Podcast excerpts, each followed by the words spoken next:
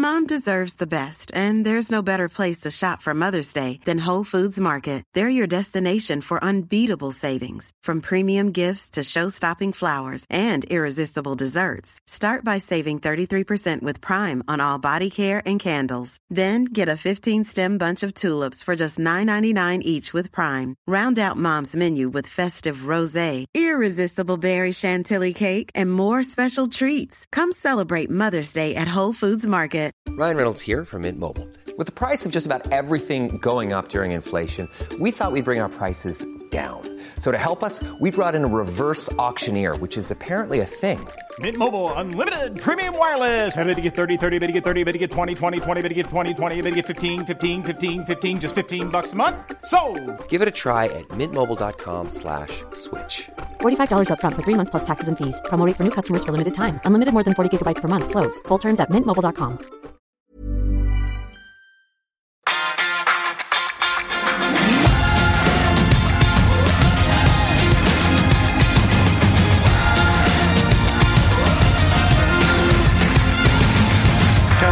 Dere er vant til å se en i 100 som håndballkommentator, men det du ikke ser på TV, er at han har et hjerte som banker for eh, Manchester United. Velkommen til vår hedersgjest, Harald Brede. Oi, vi er der! Vi er der. Ja, ja. Eder òg. Selvsagt. Fantastisk. Er det pga. alder og ansiennitet, eller er det Det er eh, Ja, ja det, nei, altså du er, du er den du er, Harald. Eh, og vi, vi sleit litt med å finne navn på spalten, så endte vi opp med at den heter rett og slett Hedersgjesten. Ja. Eh, og du er vår gjest nummer to, og det er ikke fordi vi har fått Oi. så mange nei, det er rett og slett fordi vi har jobba hardt for å få inn deg her. Oi, tusen takk. Nå ble jeg nesten litt rørt. Fare for at jeg begynner å grine litt. av En gammel sentimental eh, United-supporter. Men det er jo hyggelig, å- hyggelig å bli invitert her. fordi eh, etter å ha jobba såpass mye håndball i TV 2, så blir jeg jo liksom forbundet med, med, med håndball. Men jeg har da hørt deg som fotballkommentator òg, har jeg ikke Ja da, jeg har kommentert en del fotball òg. Men eh, det var jo da etter at eh, etter at jeg kommenterte kommentert håndball, så ble jeg aldri tatt på alvor som fotballkommentator. ikke sant? For jeg var jo bare han der håndballidioten. Men på ekte? Hva da? Ja, på ekte. For, altså, mente du var håndballidiot, eh, så du er ikke tatt på ja, alvor? ja, ja, ja, mye ting. Og det var ikke alltid at jeg var like god heller. Men, men jeg har jo kommentert noe, ja. Jeg hadde egentlig ikke lyst til å bli kommentator i hele tatt, så det var noe jeg ble påtvunget da jeg Ja. starta i TV 2. Eh, jeg jobba jo med, med nyheter, stort sett. Jeg hadde lyst til å bli Det tror jeg jeg bestemte meg sa- sabla tidlig for. Jeg tror jeg andre klasse på videregående, så var jeg fast bestemt på å bli journalist. Så jeg gjorde det, og så eh, var jeg i Volda, så ble jeg fryktelig tent på radio, så jeg jobba i NRK Radio i ti år. Så var jeg fryktelig sportsinteressert. Eh, Så det begynte liksom i NRK Hedmark, da, så dekka jeg en del Storhamar hockey og HamKam eh, fotball osv. Og, og så dro jeg inn til Oslo, ja. Jeg jobba litt for Radiosporten, så jeg var alltid den intervjueren. Altså, jeg var alltid han med hvordan, hvordan føles det. Så start, ja, så ble det litt sånn rør i NRK, og så fikk jeg tilbud om å starte i TV 2 i 95, høsten der. Fortsatt litt sånn inter, intervjuer. Og så var det en eh, gamle sjefen uh, som trodde at jeg kunne kommentere. Det trodde ikke jeg noe på. Men han insisterte, så prøvde jeg. 96. Eh, hva sier du? And the rest is history. Nei, men da, da ble det det, da. Og så uh, Men jeg gjorde ikke noe særlig, særlig fotball da. Men i 2004 så skifta vi noe team, så jeg måtte inn uh, som sånn lynhurtig vikar. Så, så da var jeg på Da, var jeg, da kommenterte jeg fotball en, en periode. Så kom Øyvind Alsaker tilbake. Tok over en del, så hadde jeg en del norsk fotball. Spesielt 2004. Da hadde vi jo EM i Portugal. Da var jeg noe i England faktisk òg. Hadde cupkamp på Old Trafford. United City 4-2. Ja. Som jeg kommenterte som United-supporter. Det er fryktelig mange United-supportere som er eh, Som skal gjennomskue alle kommentatorer. Ja. En egen Altså, idrett, det. Ja, du holder, på, du holder med den, og du holder med den, og jeg hører det, og alt mulig. Men til de folka kan jeg drit og dra. Altså, glem det. Selvfølgelig. Altså, hvis du, hvis du, hvis du kommenterer fotball, da, og Premier League spesielt Altså, det er ikke mulig å kommentere fotball uten at du har lidenskap for fotball. Uh, og spesielt den engelske fotball, for der er det så mange som har stor lidenskap, at der må du være opplest. Og hvis du er den kommentatoren, så må du ha en fortid. Altså Det er ikke mulig å ikke ha fulgt med før du på en måte ble voksen og ble kommentator. Så da er det jo helt naturlig at du har et uh, lag. Og det der har jeg vært borti sjøl òg. Altså, jeg har sittet på Old Trafford jeg, med United City og jubla over City-skåringer. Fordi du skifter ham, rett og slett. Altså, du er som en slange. ikke sant? Du går ut av ditt eget skinn, og så blir du en helt annen fyr. Du er, du er på jobb, og så er du utafor. Mm. Og for en del sånne die hard-supportere så er nok det vanskelig å skjønne. De som har tatovert klubben sin uh, på armen og magen og ryggen og panna og alt mulig, så er det nok vanskelig det. Men det er, det er fullt mulig. Så det er bare å, det er bare å, droppe, det bare å droppe det. Men få høre, da. Hvordan var det for deg å, å kommentere United, og hvordan tilbakemeldinger fikk du i etterkant? Nei, jeg husker ikke noen tilbakemeldinger. Jeg husker ikke det, Men jeg, det var sånn Når jeg ble kasta over på, på sånne store fotballoppgaver da, så var det litt sånn med skrekk blanda fryd, ja. Så, så ser jeg sånn i ettertid at jeg hadde jo hadde jo ekstremt dårlige forutsetninger da, for å gjøre en optimal jobb på det. Det var den gangen jeg skulle gjøre alt. Det her var jo 2004. Eh, så jeg husker at jeg Jeg kommenterte jo fortsatt håndball. håndball. Og så kommenterte jeg fotball. Og så gikk jeg i reporterturnus. Ja. Og så drev jeg en familie på sin. Så uh, slutten av 2004 så var det vel like før hun hjemme flytta ut. Så, så da måtte vi liksom bare reversere litt, så det var ikke mulig å gjøre det. Men jeg husker spesielt da jeg hadde EM i Portugal i 2004. Da fikk jeg mye kjeft. Gjorde det? Ja, da slutta jeg å lese kommentarfelt, ja. Så da var det mye. Og en del var nok fortjent, for det var ikke optimalt det vi fikk gjort. Eh, Jeg bare husker det at vi, vi hadde jo Ja, nå prater jeg meg helt bort, men det skjønner dere jo. eh, Når dere har invitert meg. Men, eh, men, men jeg husker vi hadde, hadde EM da i Portugal. Vi kommenterte 16 kamper på rad. 16 dager. 16 kamper på rad. Prøv å forberede det, da. Og du pendla mellom ja. Lisboa og Porto. Var i Gimaresh og alle de stedene imellom der. Eh, og så ned til Algarvekysten og alt mulig. Du hadde ti minutter til å forberede deg, ikke sant. Så det var jo galskap. Og England òg var jo helt uh, nytt. Vi hadde noen helger der med salige Svein Matta Mathisen som jeg dro med, og som hadde, hatt, uh, hadde kommentert mye engelsk, uh, engelsk fotball, men det var liksom Ja, det, var, det, er, jo, det er jo fotballens mekka, ikke sant. Så det var jo, det var jo Da hadde jeg jo vært der som supporter tidligere. Men det å komme tilbake på arbeid, det var, det var stort, altså. Men det var jo ikke noe som jeg skulle jobbe, for da hadde jeg blitt han der håndballfyren. Selv om jeg da opprinnelig er Jeg er jo fotballgutt opprinnelig, men jeg blir jo ikke trodd på det. Nei. Så, så men, men sånn var det. Men apropos følelser, hva er det som skjer med United-hjertet ditt når du kommer inn i studio her da og ser eh, disse draktene og skjerfa? Du har jo kommentert én drakt her allerede. Ja, den grønne. Den lysegrønne får vi nesten poengtere. Ja, den. gusj- Gusjegrønn kaller vi den. Gusjegrønn. Nei, jeg er litt opptatt av drakter, altså. Ja. Det er litt sånn stil, det er litt sånn viktig, og den grønne der er helt jævlig. Det er lov å si. Nei, nei, nei, nei, den er helt jævlig. Dårlige minner òg, Fredrik. Ja, det må, det må vekk, altså. Ja, når, når det jeg forbinder den med, er Brentford Ja, ja, og 4-0-tap, Ja. da ja. Ja, og da burde jo da burde de egentlig bare brent drakta, og så bare glemt hele greia. Svært usikker på hvorfor den egentlig henger der. Og når vi ser på resten av utvalget bak oss, så er den blå, den grønne, en hvit fra Fangal-tiden, eller? Ja. Eh, som jeg lurer litt på hva, hva gjør de der, Eivind? Men men Solskjær-drakta, den, den fortjener sin plass, da, syns jeg. Ja, ja.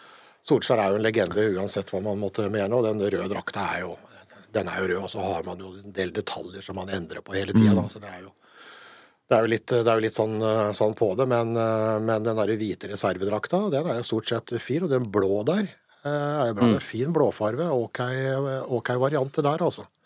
Men den grønne, ah, fy faderullan.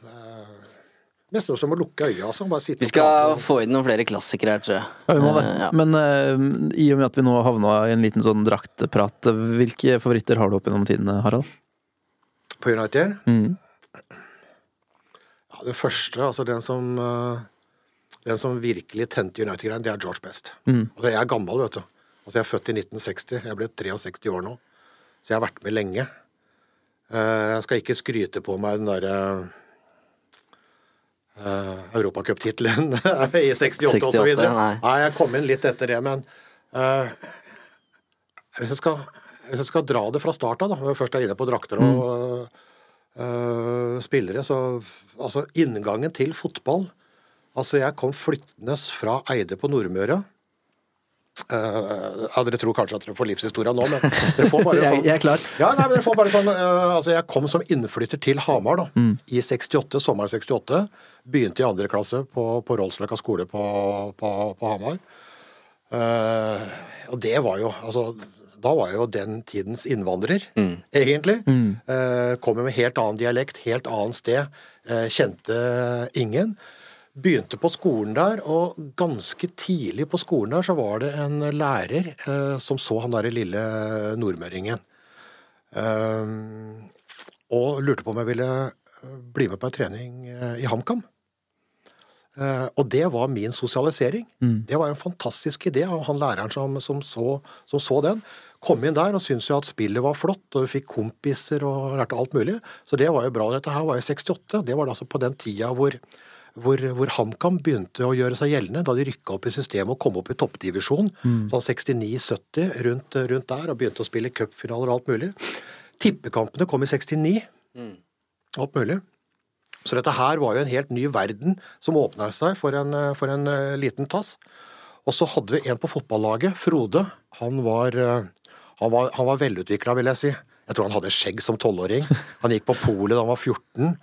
Eh, han var tidlig ute, og en du så opp til, han spilte spiss eh, på da det yngre laget jeg, var med på, og var sabla god, så jeg så opp til han. Og han ble fenga av den der engelske interessen da, som kom veltende over Norge da, med tippekampene da på slutten av 60-tallet inn i 70-tallet. Så jeg dilte etter han. Jeg var rævdilteren til Frode. Uh, og han uh, Det laget han holdt med, det holdt jeg med. Eh, og eh, han holdt med Dette her var jo en periode hvor Arsenal var bra, Leeds var jo bra.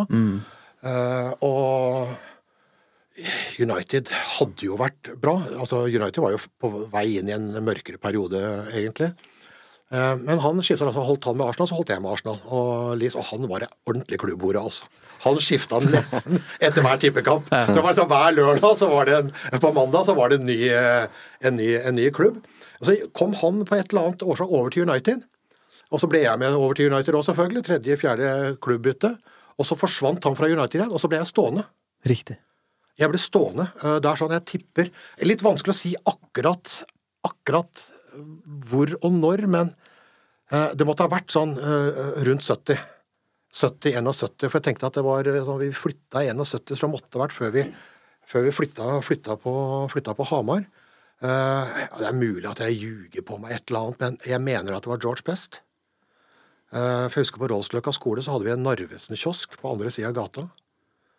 Eh, og litt seinere For jeg er ikke sikker på om vi hadde noen sånne store favoritter og sånn eh, etterpå der, men de kom inn de bildene her. Han med type, han med det lange, svarte håret.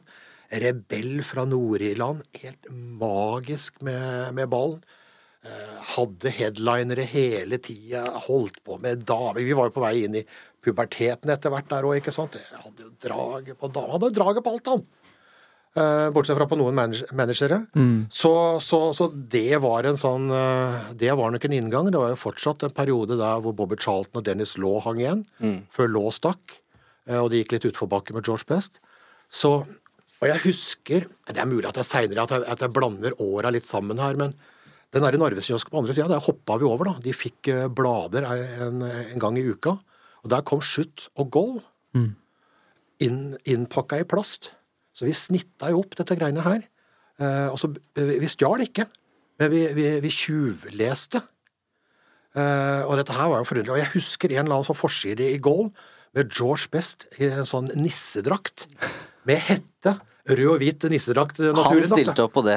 Han, ja, jeg, du trenger ikke å tenke, ikke å tenke på det. Trenger ikke å tenke på det. Heltrukken sånn som han så ut som en sånn uh, kong fotball, ikke sant? For det var jo mer, det var mer konge enn nissedrakt egentlig over det. Og dette, det, det bildet der eh, brant seg inn på, på netthinna. Jeg husker vi holdt jo på med dette her en periode. Jeg tror vi kom faktisk opp i femte klasse. Det var en sånn Det finnes jo alltid en eller annen tyster der ute, ikke sant? En som ikke tør å bli med, men som er litt sånn misunnelig. Så vi ble sladra på. Så vi måtte sitte igjen eh, en time og skrive ordensregler som straff for at vi hadde hoppa over og lest. Det var det verdt! Det var det verdt! Deilig. Hvert eneste minutt av den timen der for å hoppe over gjerdet og tjuvlese shoot and go. faen meg den beste straffa jeg har tatt noen gang. Altså. Nå skal du få en oppgave, Harald, for vi har jo en del yngre lyttere. Noen er yngre enn deg, noen er til og med yngre enn meg og Fredrik. Eh, og den tida du snakker om nå, eh, alle er klar over at det var en annen tid. Og George Best, kanskje det beste eksempelet på at du, du både var eh, popstjerne og fotballspiller samtidig. Og på den tida her òg så hang jo musikk og fotball veldig tett sammen i i Manchester, kanskje enda sterkere utover på 90-tallet. Ja, jeg tipper det med, med, med, Ja. Beck, med Beckham og, og den gjengen eh, der. ja. Men han, men han var jo han var den første. Han eh, altså, nådde jo aldri liksom det verdensherredømmet som, som David Beckham hadde, hadde i sin tid. Men eh, George Best er jo kanskje den første virkelig store, store litt sånn universelle fotball, fotballstjerne. Ja. En slags Beatle. ja. Ja, eh, mens nå er vi inne i en tid med VAR og superligaer og eh, eierskap og det ene og det andre. Eh, Faen, alt var bedre før, altså. ja, og det er det jeg vil at du skal sette litt ord på for de som ikke var født på den tida. Hva, hvordan var det, var det som var så magisk med disse fotballmagasinene og den engelske fotballkulturen som gjorde at du falt for Manchester United, og også da blei værende, selv om eh, kompisen din gikk videre til, eh, til neste lag? Nei, jeg, jeg husker jo ikke akkurat når jeg trossa, altså hvorfor jeg trossa Frode. Eh, men, men jeg tror nok at det var noe med laget. Det kan være noe, noe så enkelt som, som draktene og farvene. eh, banen, altså du, og du begynner jo å lese litt, ikke sant? Eh, du kommer jo raskt inn på hi, hi, historikken. Ja, dette her var jo da sånn eh, tidlig, tidlig 70-tall. Du kom jo fort inn på 58. eh, og München-ulykka. Så du begynner å lese litt opp, eh, opp på historien og blir, blir fascinert av den. Eh, Og den engelske fotballen var jo ny da, som jeg, som jeg sa, men eh, det var jo liksom en, sånn, en, en ny verden som åpna seg opp, da. for oss som da hadde tusla rundt liksom på, på Briskeby og andre nærliggende eh, arenaer. Eh, fascinasjon av, uh, av spillet begynte å se ja, det, det, det var bare en ny verden som åpna seg. Og alt var ikke bedre før. Men, uh, men ting var jo mer tungvint. da. Jeg husker dette her er flere tiår før internett. Altså Nå kommer jo alle inntrykkene inn hele tida. Det er et tastetrykk unna. Alt kommer på telefon. Vi hadde jo ikke telefoner. Sto i kø for å få fasttelefon. Ikke sant? Eh, sto i kø i telefonkiosk. Så alt var litt mer tungvint. Hver minste ting ble litt mer eksklusivt. Fordi du måtte kjempe mye mer for å få det.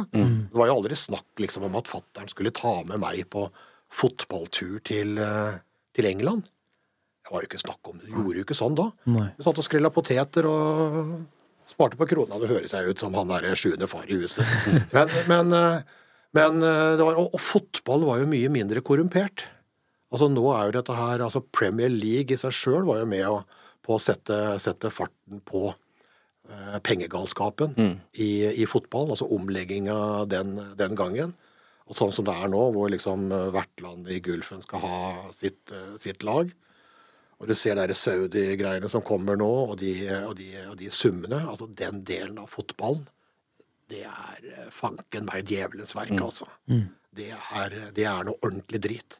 Og Hvis dette fortsetter å spinne av gårde, så kan du jo lure på det. Men det er, det er jo fortsatt mulig for en ni-tiåring eh, å glede seg over, eh, over spillet og, og opplegget med den veien som fotballen er inne. Jeg sier liksom at vanlig politikk, altså den kan være skitten nok. Men den er jo ikke i nærheten av å være så skitten som idrettspolitikken. Altså med de lederne. Eh, og det er mye mindre eh, gjennomsiktig. Tenk på etter det, etter det styret vi hadde med Qatar. Ja, du, Hva, hva, du hva kjenner er jo det litt første som skjer? Jo, Saudi-Arabia får det neste VM! Altså, ingenting er, eh, er, er oppdaga. Og nå, nå vil jo Gulfen inn i, inn i United òg. Jeg lurer på, jeg har jo en sånn øh, kollega på jobb, Finn Gratt, som er like gammel som meg. Han har vært Newcastle-mann hele sin liv. Han, han stoppa jo med Newcastle. Han ga det ikke mer. Eh, Nei, da, da gutta ikke inn. Det er mulig at han angrer seg litt. Mm. Jeg har faktisk sittet og tenkt på at hvis, eh, hvis en eller annen sjeik hadde tatt over United nå Hadde jeg gjort som Frode i 70, bare hoppa litt, hoppa litt rundt, bare sett på fotball, bare driti i det Jeg hadde vel kanskje ikke klart det. Men jeg måtte virkelig begynne å, begynne å tenke om, altså, for jeg mener at fotball er, eh, er så til de grader på ville veier. Du- Eh, og, det, og, det, og det ser ikke ut til å stoppe. Du kjente litt til eh, til Qatars inntreden på, på idrettsarenaen, også fra håndballen Ja, ja. fra før. Ja, ja. Så hva tenkte du da det i ett år har vært snakk om at eh, United kunne ende med qatarsk eierskap? Nei, men- nei, men altså, det er jo Altså, da, da fotballmesterskapet kom til Qatar, så tenkte jeg ja, men, ja, men har dere ikke fulgt med på noe? Kommer nå? Altså, De hadde jo arrangert sju-åtte verdensmesterskap i ulike idretter før den tid. Blant annet et håndballmesterskap hvor de kjøpte seg et lag. De hadde ikke noe landslag i håndball i, i Qatar, men de tok sølv i eget eh, mesterskap ved å kjøpe eh, da spillere fra, fra eh, Noe var jo fra Egypt, eh, mange var fra Europa, spesielt mange fra Balkanlanda. Eh, og der hadde du bare en sånn Du har ikke det systemet i fotball ikke sant, hvor du må, du må velge på seniornivå. Eh, der har du en karantenetid på tre år. Eh, Så hvis du ikke har spilt landslagshåndball på tre år, så kan du bare eh, Ja. bytte. Riktig. Så de kjøpte jo du, kan, de kan, du, kan, altså, du har så mye penger at du kan kjøpe alt! Ikke sant? Så det er liksom fra Fayed som da Vi ser jo den derre The Crown nå, ikke sant? Hvor han kjøpte seg inn i Fulham i sin tid og prøvde å kjøpe seg inn i kongehuset og kjøpte Harrods og alt det greiene der. Det var jo bare forpostfektinger på det som er eh, nå. Så Nei, fader, da skal vi prate om noe mer hyggelig? Eller, eller, eller skal vi bare fortsette med driten? Nei, la oss Ja, for det er jo, det er jo ikke bra. Nei, nei, det er ikke det. Det er, det er ikke det. Det er, det er jo ikke bra. Og jeg kan se for meg at en som Uten at jeg skal si at du er eldgammel, det er du jo overhodet er ikke, men du har vært med på en såpass lang reise, da, at du har fått alt det fine og sett en negativ utvikling, syns jeg i hvert fall at det åpenbart er, da. Så det jeg på en måte også lurer litt på, er hva gjør det med forholdet til United? For din del? Nei, jeg merker det går, fordi at det er jo sånn, alt var jo ikke bedre før. Altså, sånn, altså, fotballen har jo blitt mer profesjonalisert, og så blir den mer korrumpert, det blir mer penger. Eh, penger korrumperer. Altså det fører mye, mye drit med seg. Men det er klart at eh, en del av den profesjonaliseringa av en liga, et ligasystem av klubber, det er jo bra òg. At man liksom eh, ikke sitter og røyker i garderoben lenger. At man ikke eh, varmer opp med en kopp te og setter rumpa ned på radiatoren. At den ikke drikker seg drita i Players Lounge eh, etterpå. eh, Og gjør som George Best, da. Mm. Uh, trener mer med damer enn med ballen. Uh, altså, altså den, den biten der Den biten der er, er, har jo blitt bedre. Altså Fotball har jo blitt profesjonalisert. Uh, og bedre. Men men jeg tenker liksom på de første turene jeg hadde over på 80-tallet. Eh, Wembley og Old Trafford. Er det bedre nå? Ikke faen. Jeg tenker du skal få lov til å ta oss med inn på Wembley. Vi kjører en uh, jingle først, bare. When the seagulls follow the trawler, it's because they think sardines will be thrown into the sea. Thank you. Vi prøver å gjøre det litt uh, triveligere her, og vi er, eh, når vi må snakke om andre ting, Harald, så blir det ofte sjokolade. Uh, og vi har satt fram en bolle med Toblerone, så eh, forsyn deg med det. Hva er din favoritt? På sjokolade? Ja. Eh, Ikke den svarte Toblerone som Nei. ligger her, men jeg, jeg er altetende på sjokolade. Ja, okay, det, er, alt går. det er derfor jeg har eh, matchvekta til en tungvektsbokser òg. Bare ikke i kroppen til en. Så, så jeg er alltid jeg, jeg er helt sjuk på sjokolade. Hva er favoritten, da? Nei, det er veldig få Nei, det er, altså, det er veldig Altså, av de vanlige norske så er det veldig lite som slår en melkesjokolade, altså. Eh, Eller firkløver eller et eller annet sånt. Men der. fruktnøtt, det går ikke. Fruktnøtten nyter ikke. Nei, deilig men ikke fruktnøtt. Fruktene skal ikke gi folk. Nei, men Men, eh, mokkabønner, da? For det er min uh, go-to. ja, jeg er jo gammel nok til å spise mokkabønner, men jeg er, ikke, jeg er ikke så glad i den reine der. Eh, De er, de er egentlig best, gamle bestemødre. Men fruktnøtt altså, er det, det er bestemora mi igjen som hadde mokkabønner og, og kremtopper. Ja. Altså, det er, en, det er en helt annen liga. Men har jeg sånn, i Arendal så er det en sånn sjokoladefabrikk. Det er sånn utsalg som lager ganske mye med marsipan og virkelig kvalitetssjokolade. da. Eh, dypper jordbær i hvit sjokolade, f.eks. Altså belgisk kvalitetssjokolade. Der er jeg innom ganske ofte. Riktig. Uh, Så det er liksom de store, de store Valron og de store belgiske merkene. Uh, Og så er det da litt mer mer den vanlige. Uh, Kvikk Lunsj, eksempel. Altfor seriøst. Oh, ja. For mye kjeks.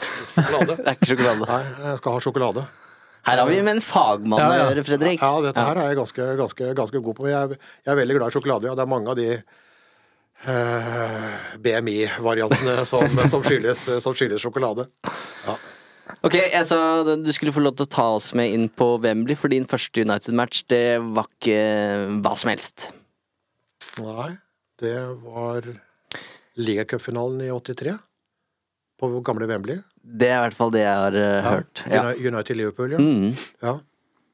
Uh, ja, det var, ja, det var første kampen i år i England. Og det, det, er, det er som jeg sa i sted, det var jo ikke slik liksom at du så Nå er jo en sånn eh, en tiåring med en United-far eller mor, eksempel, har jo vært så Paul Shafford liksom ti ganger før du er ti år. Så, så, så, sånn var det ikke på min tid. Uh, men jeg studerte på Lillehammer. Eh, eh, det var den gangen jeg skulle bli ordentlig journalist. Studerte samfunnspolitikk og samtidshistorie og alt mulig. Uh, traff uh, Arild Ringdal eh, fra Hellesylt. Kom inn på studiet samtidig, som også var United-supporter. Eh, vi hadde vært på studietur til St. Petersburg, faktisk. Mm. og kom tilbake der. United var klar for ligacupfinalen. Vi hadde aldri vært over i England, noen av oss. Var stein blakke etter den der Russlandsturen. Men fant ut at vi måtte til eh, England. Så vi bestemte oss for å ordne opp i det. Hvordan vi fikk tak i billetter og sånn, det, det, det vet jeg ikke helt. fordi dette her er jo lenge før internett. ikke sant? Det var ikke bare noe tastetrykk unna. Høres ikke ut som en smal sak, nei, til en finale. Nei, men det faltes jo da en del sånne sider. Det var jo aviser, og du hadde jo annonser, og det var jo litt, litt forskjellige ting. Så hvordan vi, hvordan vi ordna opp til regnerne, vet jeg ikke. Men vi fikk faktisk eh, kjøpt oss to billetter til, eh, til den finalen. Så hadde vi ikke penger, så lurte på hvordan vi skulle klare å komme oss over. Så vi tok toget fra Oslo til Gøteborg. Så tok vi båten derfra over. Traff en del andre norske og en del svenske supportere. Klaska i land, da, og så kom vi oss inn til London på et eller annet uh, vis. Sjekka inn på det hotellet. Det var sånn som ligger under fortauet, vet du. sånn kjellerhotell med vindu rett inn i kjeller, kjeller, kjellertrappa. Det lukta jo mugg og faenskap. Eh, vegg til vegg. Der er, der er britene gode. De er, de er verdensmestere på vegg til Ja, vegg-tepper. dessverre. Ja, du, ja, du har vegg-til-vegg-tepper på gulvet, opp veggene og i taket på do. Ja, ja. Ikke sant? Ja. Så det, det er, men vi kom inn i resepsjonen, sjekka inn, og der var det faktisk en konvolutt med to billetter til, til Wembley. Ja. Så sånn funka det, for du, du kunne blitt lurt, ikke sant? Ja, ja. Eh, Men, men det tror jeg den derre luringa har blitt enda verre. Det var, det var jo røvere den gangen òg. Men eh, den luringa tror jeg har vært eh, enda, enda verre. Så vi var jo kjempelykkelige. Så vi skulle ut og ta noen øl, for det, dette her var jo da dagen før. Da tror jeg vi var i Øst-London og så på en lokalkamp. Vi var på noe Hva var det vi så? Så vi Wrexham Millwall eller et eller annet sånt? Det var et eller annet Jeg, jeg, det, jeg husker ikke helt, men vi var altså Vi var altså i øs, pøsende regnvær i Øst-London, og så da på en på en Kunne det vært nivå to-kamp eller et eller annet sånt, da? Med dårlig pai og 2000 tilskuere og alt mulig. Og dagen etterpå så var det Wembley, 100 000, solskinn, United Liverpool. Så vi fikk liksom i løpet av en helg da, da smakt litt eh, på det. Og i løpet av den dagen der, så og vi, vi gikk jo helt sikkert med United-skjerf, dumme som eh, vi var, overalt i London. Turister. Ja, turister. Vi var jo naive. Vi var jo, vi var jo 22, men, men allikevel. Da. Så traff vi altså to øh, fra Manchester, Steve og Fred, som øh, og, det, Den gangen her så kom det ikke flylaster med skandinaviske supportere på, på, på, på hver kamp. ikke sant? Så det var litt mer eksklusivt. så De syntes det var litt sånn rart, lurte på hvor de var fra. Vi sa jo vi sa det, og det syntes jo de var litt sånn spennende, så vi kom i prat med dem. Lurte på om vi hadde billetter. Og det sa vi det har vi. Eh, og så lurte på om vi bare kunne få se på dem. Så så vi det, det sto jo stempla sånn Wolverhampton Wanderers bak eh, billettene. Så det var jo tydeligvis sånne FA-billetter som du gir til klubber som ikke blir brukt, Ja. og som da selges videre. Ik ikke noe svartebørs, for det var ikke noe upris på det. Sikkert noe påslag med alt mulig. Så ser jo da Steve og Fred på den, så sier de ja, ja. Liverpool-svingen. Så uh, you have to swap. You have to swap. Altså du må få bytta de billettene der, hvis ikke så kommer du hjem i kiste, uh, og ikke med en pokal, liksom. Så vi tenkte at det var jo jævla skitt, da, men vi får jo prøve, prøve det. Så vi gikk jo opp mot Wembley den eh, dagen, prøvde å bytte. eh, litt sånn rundt omkring, noen puber dagen i forveien og alt mulig. Det var helt sjanseløst å bytte. Eh, men det som var da på gamle, gamle Wembley, var at du kom inn under stadionmurene. Du kom altså inn bak murene, da. Men du kom ikke inn på tribuna. Uansett hvilken, hvilken billett du hadde. Så vi, vi viste jo billetten her, og kom inn under, og der var jo 100 og det, var, Det var ikke sånn på Briskeby, altså. Nei. Der var det jo pai og pint, og folk pissa i alle hjørner og skreik og hylte. Så var det jo en helt vidunderlig verden som åpna seg. Det er Fotballkulturen. Ja, og, og det var jo stort, da, for vi har jo drømt om dette her. ikke sant? Jeg, jeg er ti år, det er jo tolv år etter da, at jeg ble, ble supporter og bitt litt av den engelske basillen. og kom inn. Vi kom jo ikke inn. Så vi begynte å bli litt sånn desperate om hele det greiene her skulle ende med at vi satt og spiste pai og bare hørte dette her på, på Wembley radio, liksom. Et kvarter før uh, det kom. Uh, og, og vi gikk jo rundt og, og, og spurte voktene altså vær så snill, ikke sant, vi kommer her. altså Vi forklarte situasjonen. Det var nei overalt. Et kvarter før slutt så uh, var det ei vakt ved én inngang som mista fotfestet. Så da var folk uh, seine inn, hadde pissa fra seg, drikket opp, og så skulle de bare øse inn. Så der ble det bare Vakta bare slapp unna. Så vi kom opp, en lita trapp opp, og, og da var det jo ståtribune ikke sant, i svingen der. 25 000 i svingen med sånne bølgebrytere. Kom inn der, så kom vi opp på trappa, så så hele Wembley med folka. Fy. Jeg, jeg, jeg, jeg, altså, håret reiser her på kroppen nå. Og jeg husker, jeg husker altså, eh, ikke andakt, men det var altså en sånn det var sånn gledelig endelig da, å komme fra hvis du har kjempa deg fram til Nordpolen eller Sydpolen. ikke sant? Dette her var det. Så jeg husker at vi da, 20 år gamle gutta, tok hverandre i hendene. Leide hverandre inn på ståtribuna på, på, på Wembley. Uh, for det, det, det var så mektig. Hellig. Og, ja, ja, det var hellig, og det var liksom Du har nådd et mål, uh, og, og, og du var liksom småredd, for altså, det var så stort, ikke sant? Altså, det, det, altså, det var så vanvittig, vanvittig svært. Det ble en sånn Vi klarte det. Ja, eh, litt, litt det, men det var en sånn blanding av liksom glede og vi står sammen og vi har nådd det, samtidig som det var liksom en liten prosent med Dette her er så, dette her er så overveldende at det nesten er at det nesten er skummelt, ikke sant? Så det var, det, var, det var alt. Og så begynte jo kampen, så går det noen minutter, og så scorer Norman Whiteside på motsatt side. Og den opplevelsen sitter i kroppen fortsatt, for da ble vi skilt.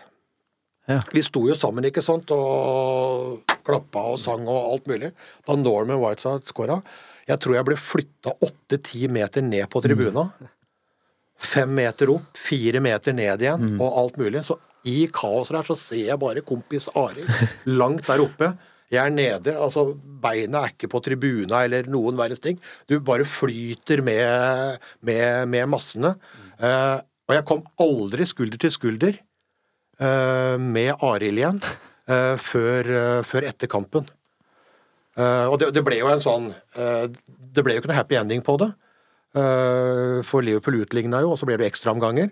Og så ble det jo 2-1 til, 2-1 til Liverpool. Men den opplevelsen ja, Fytti rakkeren, altså. Og spesielt, da. Og da hadde de jo de hadde jo bortedraktene. De hadde hvite bortedraktene.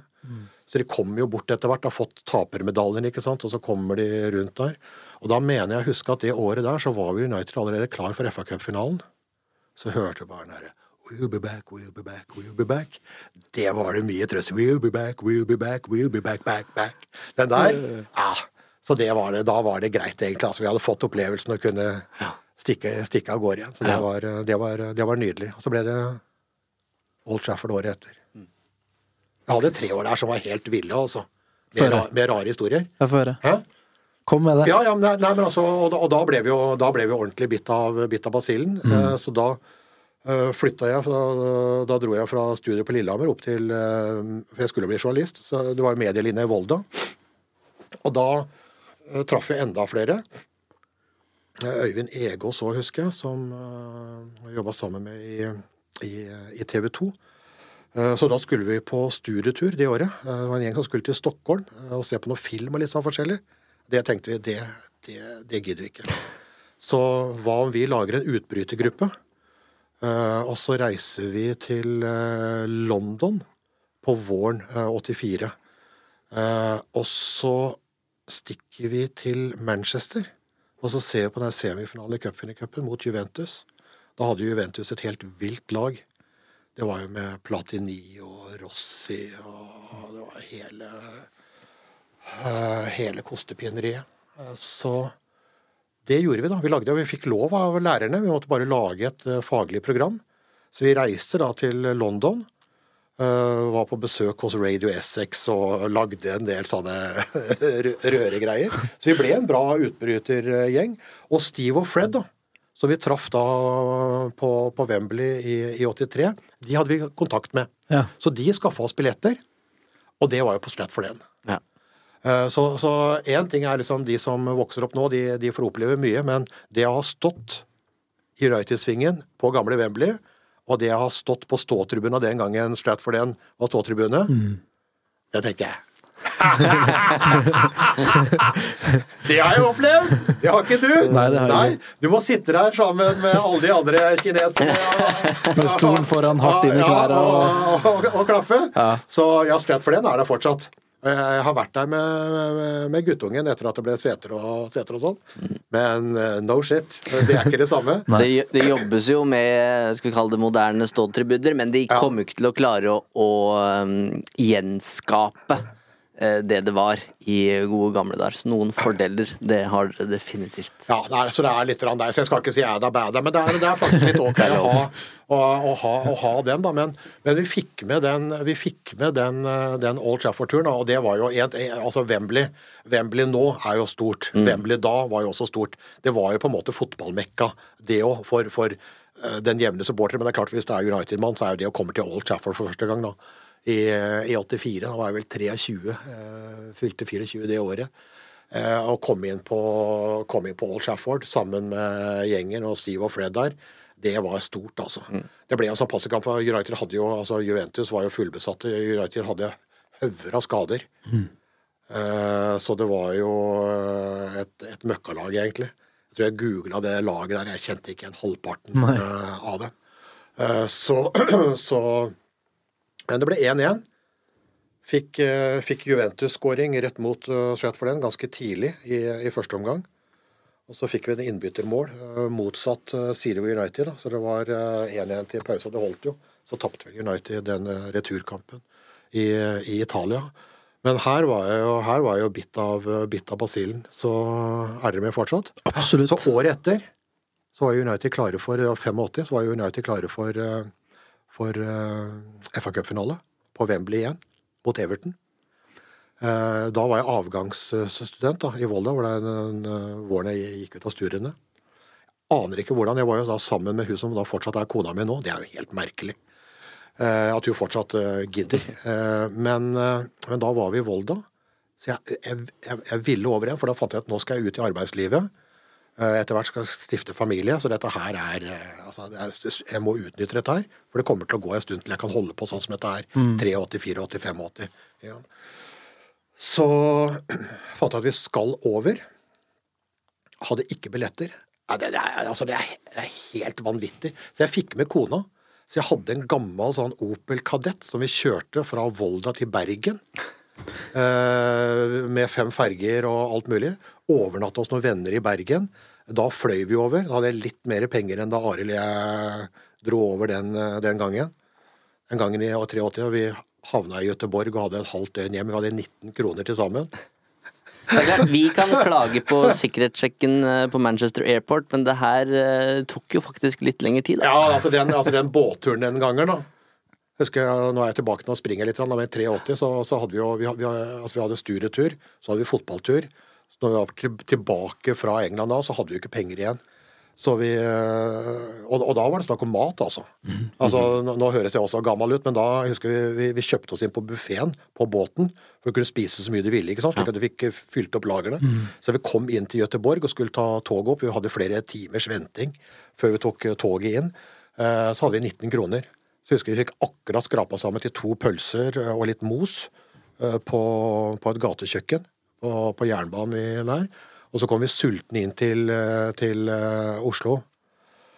Østbanen den gangen, Oslo S nå, og hvor Arild da skrev ut en, en sjekk uten dekning på Sparebanken hjemme på Hellesylt. Ja. Det gikk greit. Alle kjenner hverandre på Hellesylt, så, det- så det gikk fint. Så det var 83, så det var liksom sånn hånd til munn. Ja. Ikke, var ikke rik i 85, men litt mer penger, så da fløy vi over. Og da landa vi altså i London. Jeg hadde ikke billett. Hadde ikke noe sted å bo.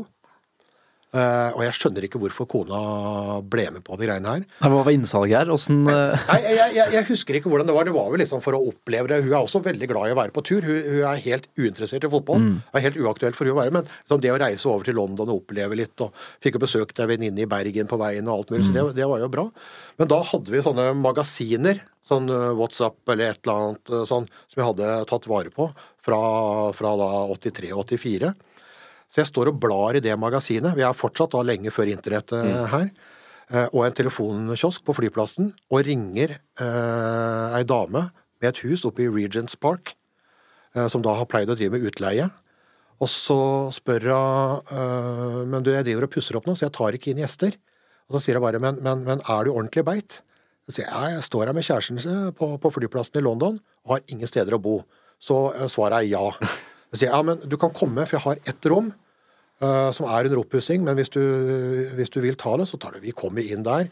Det lå så hvite laken overalt, og det var jo murpuss og faenskap, og det var også sånn ordentlig britisk. Men det var tak. Det var tak. Det var vegger og tak. Så, så vi eh, dro, inn, eh, dro inn der, og så lurte jeg på hva vi, hva vi skulle. Ja, jeg, kona skal på shopping, sa jeg, men Eller kona, var ikke det, kjæresten.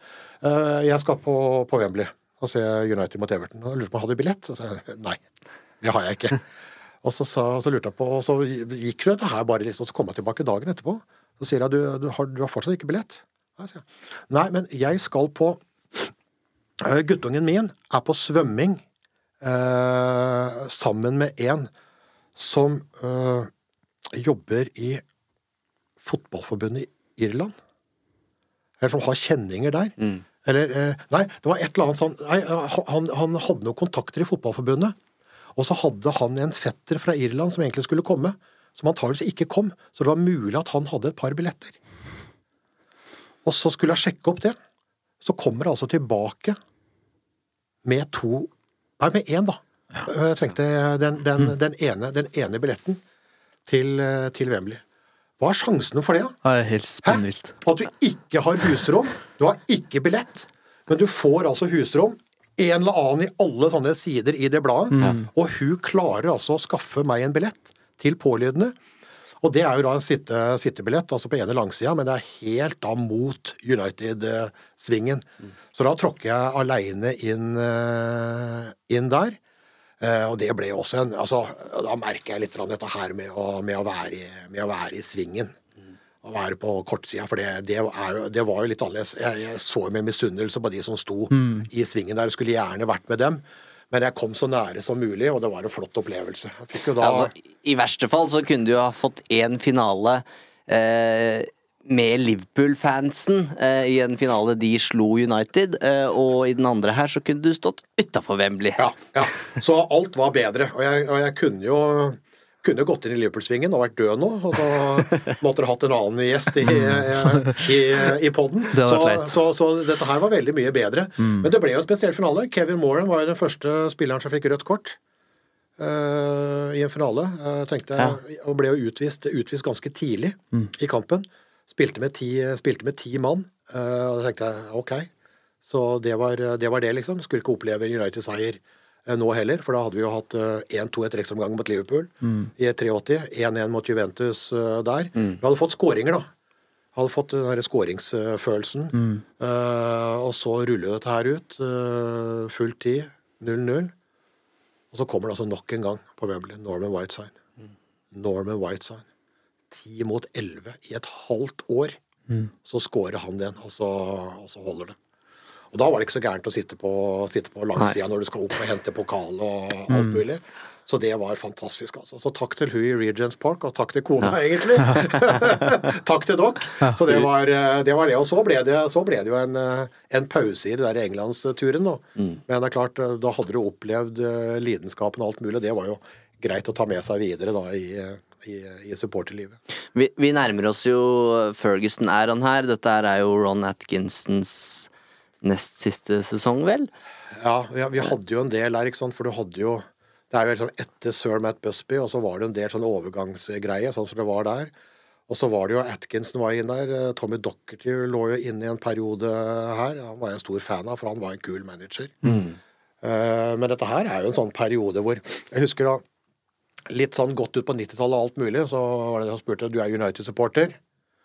Uh, litt sånn yngre. Da sier ah, ja, du er, det var jo den perioden før den perioden vi er inne i nå. Ja.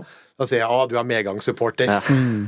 Og da bare teller jeg til ti, og så sier jeg du, kom og sett deg på fanget til bestefar, så skal jeg fortelle deg, skal jeg fortelle deg litt om. Mm. Jeg begynte i 70. Jeg holdt på hele 70-tallet, hele 80-tallet. Det var kun fuckings Liverpool hele veien. Vi tok en og annen FA-cup, en og annen ligacup. Det var ingenting, ikke sant? Og det var en storhetstid som var foran der. Eh, og før vi da kom inn på 90-tallet, vi måtte jo inn et par-tre år på 90-tallet før det liksom, før det liksom løsna. Så jeg sier jeg holdt på med dette her over 20 år med noen blekkpotter. som vokser opp, ikke sant? Jeg har vært med på the real shit. Så ikke, ikke, ikke ta den til Ikke ta det Ryan Reynolds here from Mint Mobile. With the price of just about everything going up during inflation, we thought we'd bring our prices down. So to help us, we brought in a reverse auctioneer, which is apparently a thing. Mint Mobile unlimited premium wireless. Ready to get 30, 30, bit to get 30, bit to get 20, 20, 20, bit to get 20, 20, bit to get 15, 15, 15, 15 just 15 bucks a month. So, Give it a try at mintmobile.com slash switch. $45 upfront for three months plus taxes and fees. Promo rate for new customers for limited time. Unlimited more than 40 gigabytes per month. Slows. Full terms at mintmobile.com. I'm Sandra, and I'm just the professional your small business was looking for. But you didn't hire me because you didn't use LinkedIn jobs. LinkedIn has professionals you can't find anywhere else, including those who aren't actively looking for a new job but might be open to the perfect role, like me. In a given month, over 70% of LinkedIn users don't visit other leading job sites. So if you're not looking on LinkedIn, you'll miss out on great candidates like Sandra. Start hiring professionals like a professional. Post your free job on linkedin.com/people today. Denne episoden er sponset av Hello Fresh. Nå som det drar seg mot slutten av en lang sesong, trenger vi United-supportere skikkelig næring. Med gode og ferske råvarer fra Norge gjør Hello Fresh det til en lek å lage de herligste retter fra hele verden. Du velger bare hvor mange som skal spise, og hvor mange oppskrifter du ønsker ukentlig. Så får du alle ingrediensene du trenger, levert på døra. Personlig syns jeg det beste med Hello Fresh er at du kan skreddersy din egen ukesmeny. Du kan velge fra fem forskjellige kategorier. Vegetarisk, familievennlig, rask og enkel, fisk og grønnsaker, og smaker fra hele verden. Med 25 fristende oppskrifter hver uke kan du bli like uforutsigbar på kjøkkenet som Garnaccio er på Vingen. Selv må jeg si jeg er spesielt svak for asiatisk taco og den portugisiske kyllingburgeren. Som Uno-lytter kan du få opptil 1779 kroner rabatt på de seks første matkassene dine, og gratis frakt med første leveranse. Så det er bare å komme seg inn på hellofresh.no og bruke koden FreshUnited. Dette gjelder for de som ikke har prøvd HelloFresh ennå, og for de som tidligere har vært kunde, men som har stoppet abonnementet for minst tolv måneder siden. eh, ta den til meg. Så, men så åpna det seg opp eh, en, en eh, helt annen og vidunderlig verden igjen. Men hvordan sammenligner du de eh, 20 åra der kontra de ti vi nå eh, har vært igjennom? Ja, altså Først da, ikke sant. Altså 20 år med, med, med, med lidenskap og den gamle type fotball, de gamle arenaene. Eh, veldig flott på sin måte, men veldig lite sølv. da. Mm. sølv, sølvvarer. Og så kommer de inn med Jeg nevnte jo George Best der. ikke sant? Cantona eh, stikker seg jo ut, og det begynte å komme nordmenn til, til klubben. Det var jo bra. Ellers så var jeg litt sånn fan av enten midtstoppere eller raske kanter. Jeg husker Martin Buchan, ganske tidlig på 70-tallet. Stopper Gordon McQueen. Altså De der var egentlig ganske store. Jesper Olsen kom jo. Det er de første skandinavene. Eh, Danmark var litt oppe og nikka da på 80-tallet. Hadde til og med Gordon Hill. Ja. Ja. En eller annen. Også litt sånn eh, Det var ikke noen stor karriere der, så, men sånn teknisk fintesterk eh, kant, ikke sant. Så det var jo egentlig ganske store spillere. Men da Cantona kom, så endra jo det seg eh, alt, ikke sant. Da hadde vi jo Solskjær på lag, og David Beckham var jo stor. Jeg så jo over den derre den der eh, serien med, med David Beckham. Da. Mm. Og dette her er jo en tid jeg fulgte meg likevel, så åpna det opp øynene. For jeg fikk en sånn eh, påminnelse om hvor stor han var. Mm. Jeg huska det. Men han var enda større enn så stor som jeg Mm. huska at han var. Mm. Uh, og den derre galskapen rundt, og spesielt den derre Argentina-kampen i VM og sånn, altså hvordan, hvordan, han, hvordan han sto i det. Mm. Altså hvordan han sto i det. Altså, det, det var, jeg, jeg husker jo det derre bildet i det derre pubskiltet hvor han- Den dokka? Den dokka hvor han hang. Altså, den har brent seg inn, den husker jeg. den husker jeg godt. Eh, så, men, men det var så jævlig, ja. Mm. Ikke sant? Så, så, men, han, men han sto i det, og det var en sånn Du kan mene hva du vil om, eh, om, eh, om David Beckham, men han var jo da eh, Etter George Best så var jo han på en måte altså, Det var jo verdens største fotballidol, sant? Mm. Altså før Ronaldo og Messi og, Mm. og sånt kom. Og mest sannsynlig så var han jo større enn de, for han hadde jo den andre pakka i Mm. tillegg. Mm. Han hadde jo en eh, Spice Girl eh, Mm. hos seg. Han var mye mer Det var mye mer enn bare fotball. Da. Det var Mm. liksom hele underholdningsindustrien. Men det er klart, de 20-åra der, eh, det var jo melk og honning. Det var nesten så Åh, vi vinner igjen, ja. ok, ja. Det, var, det var nesten der, ikke sant? Og så merker du da hvor bortskjemt du blir da, når du går da inn i et uh, nytt tiår etter, etter, etter Ferguson. eh, hvor det da er eh, Og jeg merker jo liksom at altså lojaliteten eh, kommer det aldri til å skje noe. Altså det er, det er eh, eh, Hopper aldri tilbake sånn som Frode gjør. Altså det er et eller annet, et eller annet med det. Men, eh, men det er klart, interessen blir jo påvirka av det. Fordi, altså, sånn som det har vært nå de siste åra. Altså, du får så mange skuffelser, og du tror at nå skal det løsne. Nå er det noe på gang. Og så er det liksom ett skritt fram, to skritt fram, og så plutselig så er det ett eller to eller flere skritt tilbake. Så det er sabla frustrerende. Men, Mm. en, men, en, men en står i det. Mm. Og det er jo fortalt. Jeg har jo tre, tre barn sjøl. En som ikke er interessert i det hele tatt. De to andre holder jo med United. Mm. Eh, han ene da han var liten, han eh, prøvde, ble prøvd å bli overtalt av en Arsenal-fan, som uh, ikke er kompisen min, men han er inngifta med venninna og kona, så jeg må, jeg må godta det. Så han prøvde å omvende guttungen min, eh, og da sa jeg at eh, eh, det er liksom noe du har med deg i livet, da. Men du kan skifte ut. Altså Du kan faktisk skifte ut søsken, du kan skifte ut mor og far.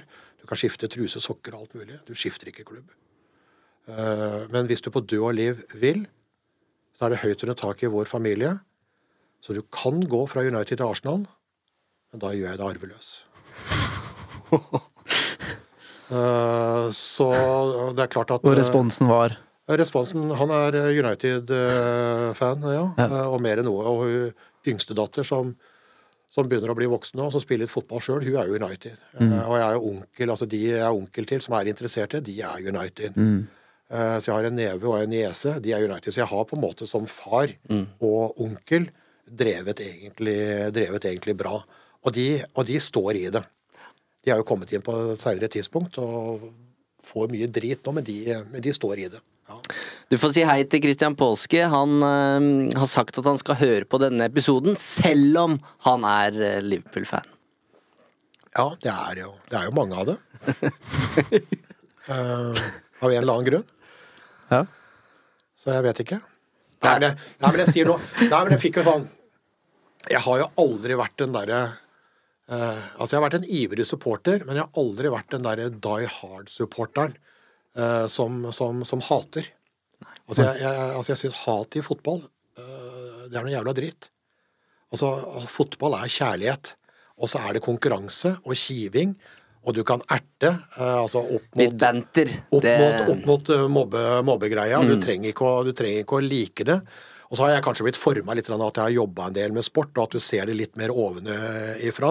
Jeg har tatt det der hamskiftet noen ganger hvor jeg faktisk har sittet og jubla over en City-scoring Mm. på Old Trafford, fordi det er, det er jobben min, og jeg skal være nøytral, selv om jeg da innerst inne er, er, er eh, den, den jeg er. Men jeg sier liksom fortsatt, jeg spør liksom å, du er interessert i fotball, da? England eller hvilken klubb har du? Og så kommer det en eller annen sånn greie.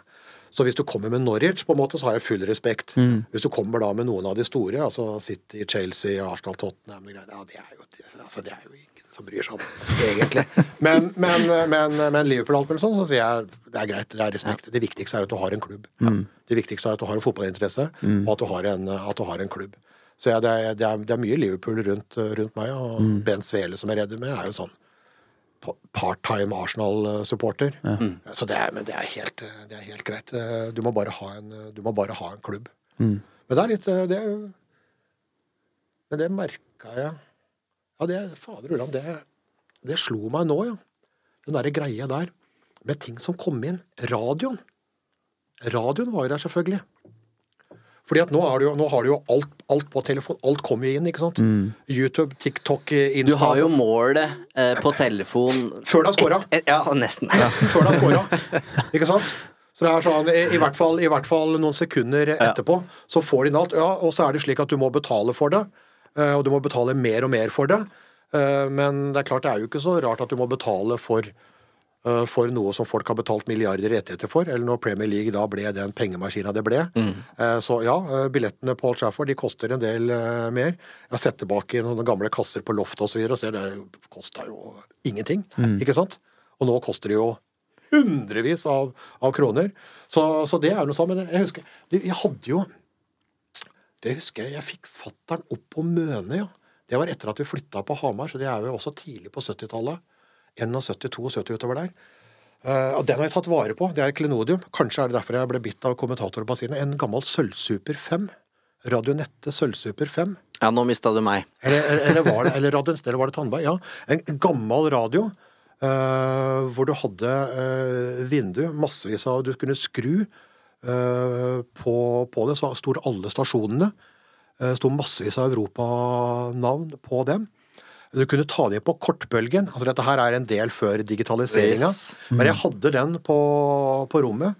Så jeg ser meg sjøl sitte oppe på Holsjordet på Hamar. Ryggen klemt inn mot en radiator. En liten puff med den uh, sølvsuperen eh, på. Eh, ledning med en bananplugg inn bak. Så gikk ledningen ut vinduet på gutterommet, opp på mønet. Der var det spikra en diger kjepp. Så strakk du da den ledninga til motsatt eh, møne. Da fikk du kontakt, da fikk du kortbølgen. Eh, væravhengig. Eh, og jo mørkere det var, altså på vinteren så var det greit å få inn signalene, men, eh, men på sommeren, på serieavslutninga sånn, så begynte det å bli vanskelig. Men der fikk du en BBC Five Live. Ja. Og Der fikk du alle overføringene og resultatgreiene. Så det var jo da i tillegg til tippekampen, så hadde du da den derre radiobiten. Og på europacupfeller så kunne du da bare skru litt på stasjonene. En millimeter her og en millimeter her. Plutselig så var du Tyskland. Plutselig så hadde du en italiensk kommentator. Så var i Belgia, Nederland, Spania. Så var du tilbake. Det der var en forunderlig verden. Var det bedre? Nei, det var jo ikke bedre, men det var annerledes. Og det var fascinerende. Så der kom jo også den engelske fotballen inn. Det slo meg nå, ja. BBC Fire Live.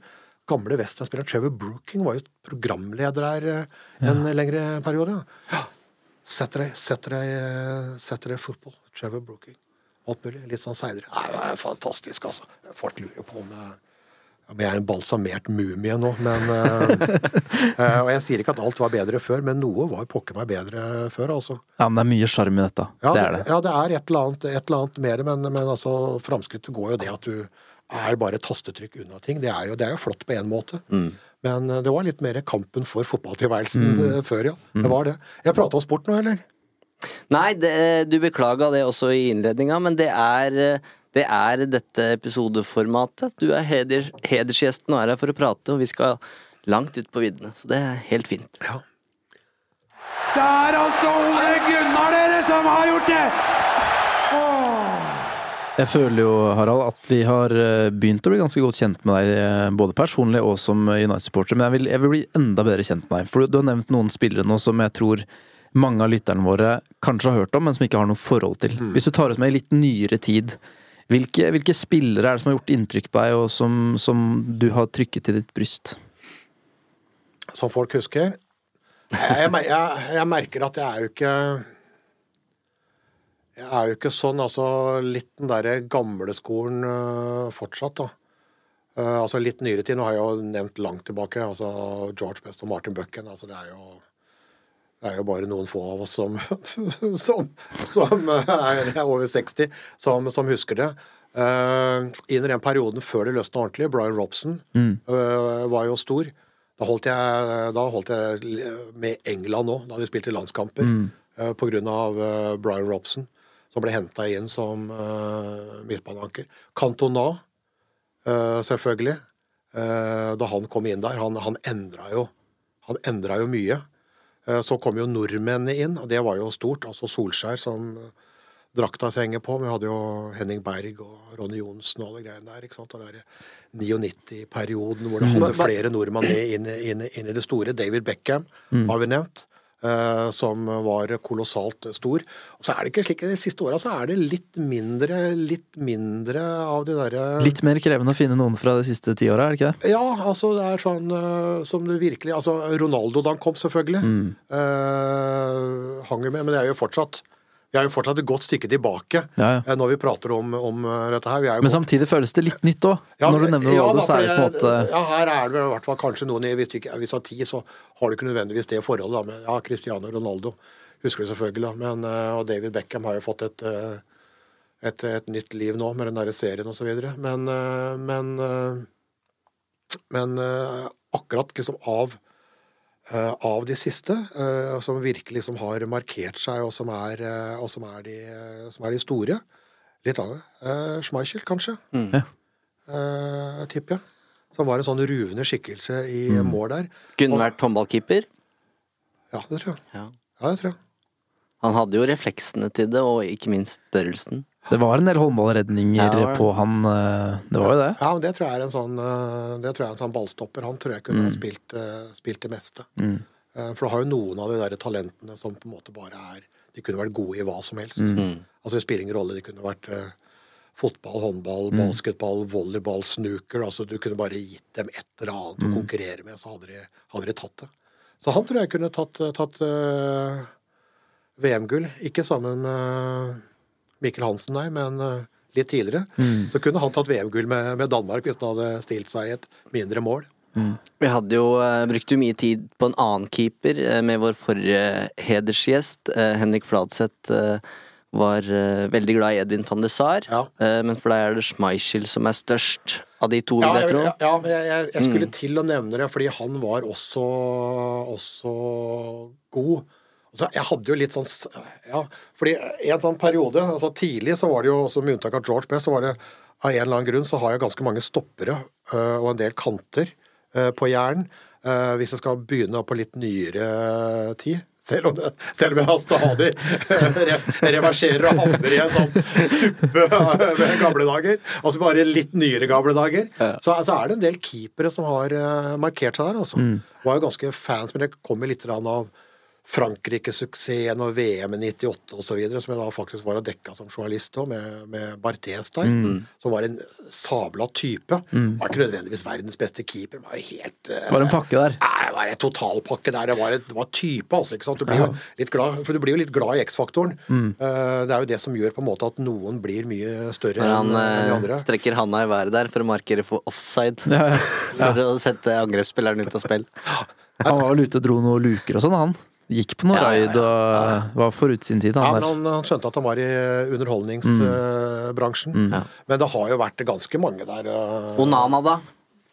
Er du overbevist? Nei. Nei.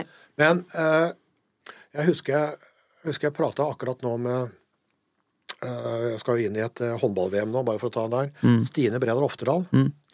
eh, debuterte eh, som en sånn rookie og lærling i EM i 2010. Og løp rundt og ble ikke valgt inn. Mm. og, røra, og røra rundt. Eh, og slo gjennom egentlig 2014, fire år etterpå. Og er jo nå landslagskaptein og har altså skoesker fulle av medaljer. Og er liksom den store driveren. Så ikke ut som noen ting da hun kom inn der som en overraskelse, men vokste inn i det. Og det prata jeg faktisk med Stine om på et sånt pressetreff rett før eh, den VM-oppkjøringa som, vi- som vi dekka i, i, i TV 2. Eh, eh, og når du nevner Onana, da, så slo det meg lite grann. Hva tenkte du på de første kampene som De Gea fikk? Jeg sier ikke De Gea. Jeg, Nei, du trenger, så- trenger ikke det. Nei, Ja, så, så alt mulig, selv om jeg skal prøve å tilnærme. Så tenkte jeg at eh, da han ble plukka opp av Ferguson der, som en sånn ung spansk eh, keeper da, og De første kampene hans var jo ikke bra i hele tatt. Han hadde jo noen tabber der, det var jo helt, uh, helt råttent. Men i motsetning til Onana så var jo han ung, ikke sant. Eh, Så du hadde litt sånn alderen å, å vokse inn i, og du ser hva han ble for United etter hvert. Mm. Inn i den der stolte eh, keeper, eh, keepertradisjon. Så jeg tenkte liksom at eh, det lærte meg både den der Stine på håndballen og den der Digea og en del andre. Altså, det er så veldig mye svart-hvitt eh, når du er fotballsupporter. Mm. Og det er så veldig mye Du hyller den ene dagen, og så sager du av beinet eller huet av dem dagen etterpå. Eh, av og til så kan det være greit å telle til ti, puste med magen, gi folk litt grann muligheter. Mm. Ting er ikke svart-hvitt, altså. Eh, du trenger ikke å skjære huet av folk fordi at de har en eh, tabbe i mål eller, eller, eller en feilpasning, liksom. Altså, ting tar ofte litt grann tid. Selv om dette er en tid hvor vi ikke har nok av det, så, så, er, det, så er det viktig å huske på det. Så jeg, jeg prøver liksom å de der bildene der, og tenke litt på det. Ja, hvordan så det ut da De Gea hadde sine første? Men det er klart, eh, Onana, som da skal inn Du dytter ut av en keeper som har stått der i evigheter og gjort strålende jobb. Ja, kanskje var han ikke så bra med ballen i beina, kanskje trenger du en som er det med det spillet du har. Men når du ser da han som kommer inn, hva han gjør med ballen i beina altså det, er som, det er som kollega Bent Svele sier, altså hvis du skal skyte deg sjøl i foten, så ikke gjør det via nakken. uh, Godt sagt. Dropp det, Mm. ikke sant? Uh, og, og i starten der så Hva faen er dette her? Altså, du, du skal erstatte han andre som ikke var så god med ballen i beina, og så, så gjør du altså altså, du, altså Hodet ditt forteller jo ikke beina hva de skal gjøre, eller de, de gjør helt feil ting. Så det kosta oss jo viktige poeng. Så tenkte jeg at ja ja, men eh, han har jo vist tidligere, og er jo i ferd med å vise at han er en, eh, at han er en bra keeper. Men det gjenstår jo litt. Da. Men jeg sier at eh, jeg vet ikke om det kommer med alderen eller da de der bildene som jeg, som jeg har. Ja, det, alt er ikke!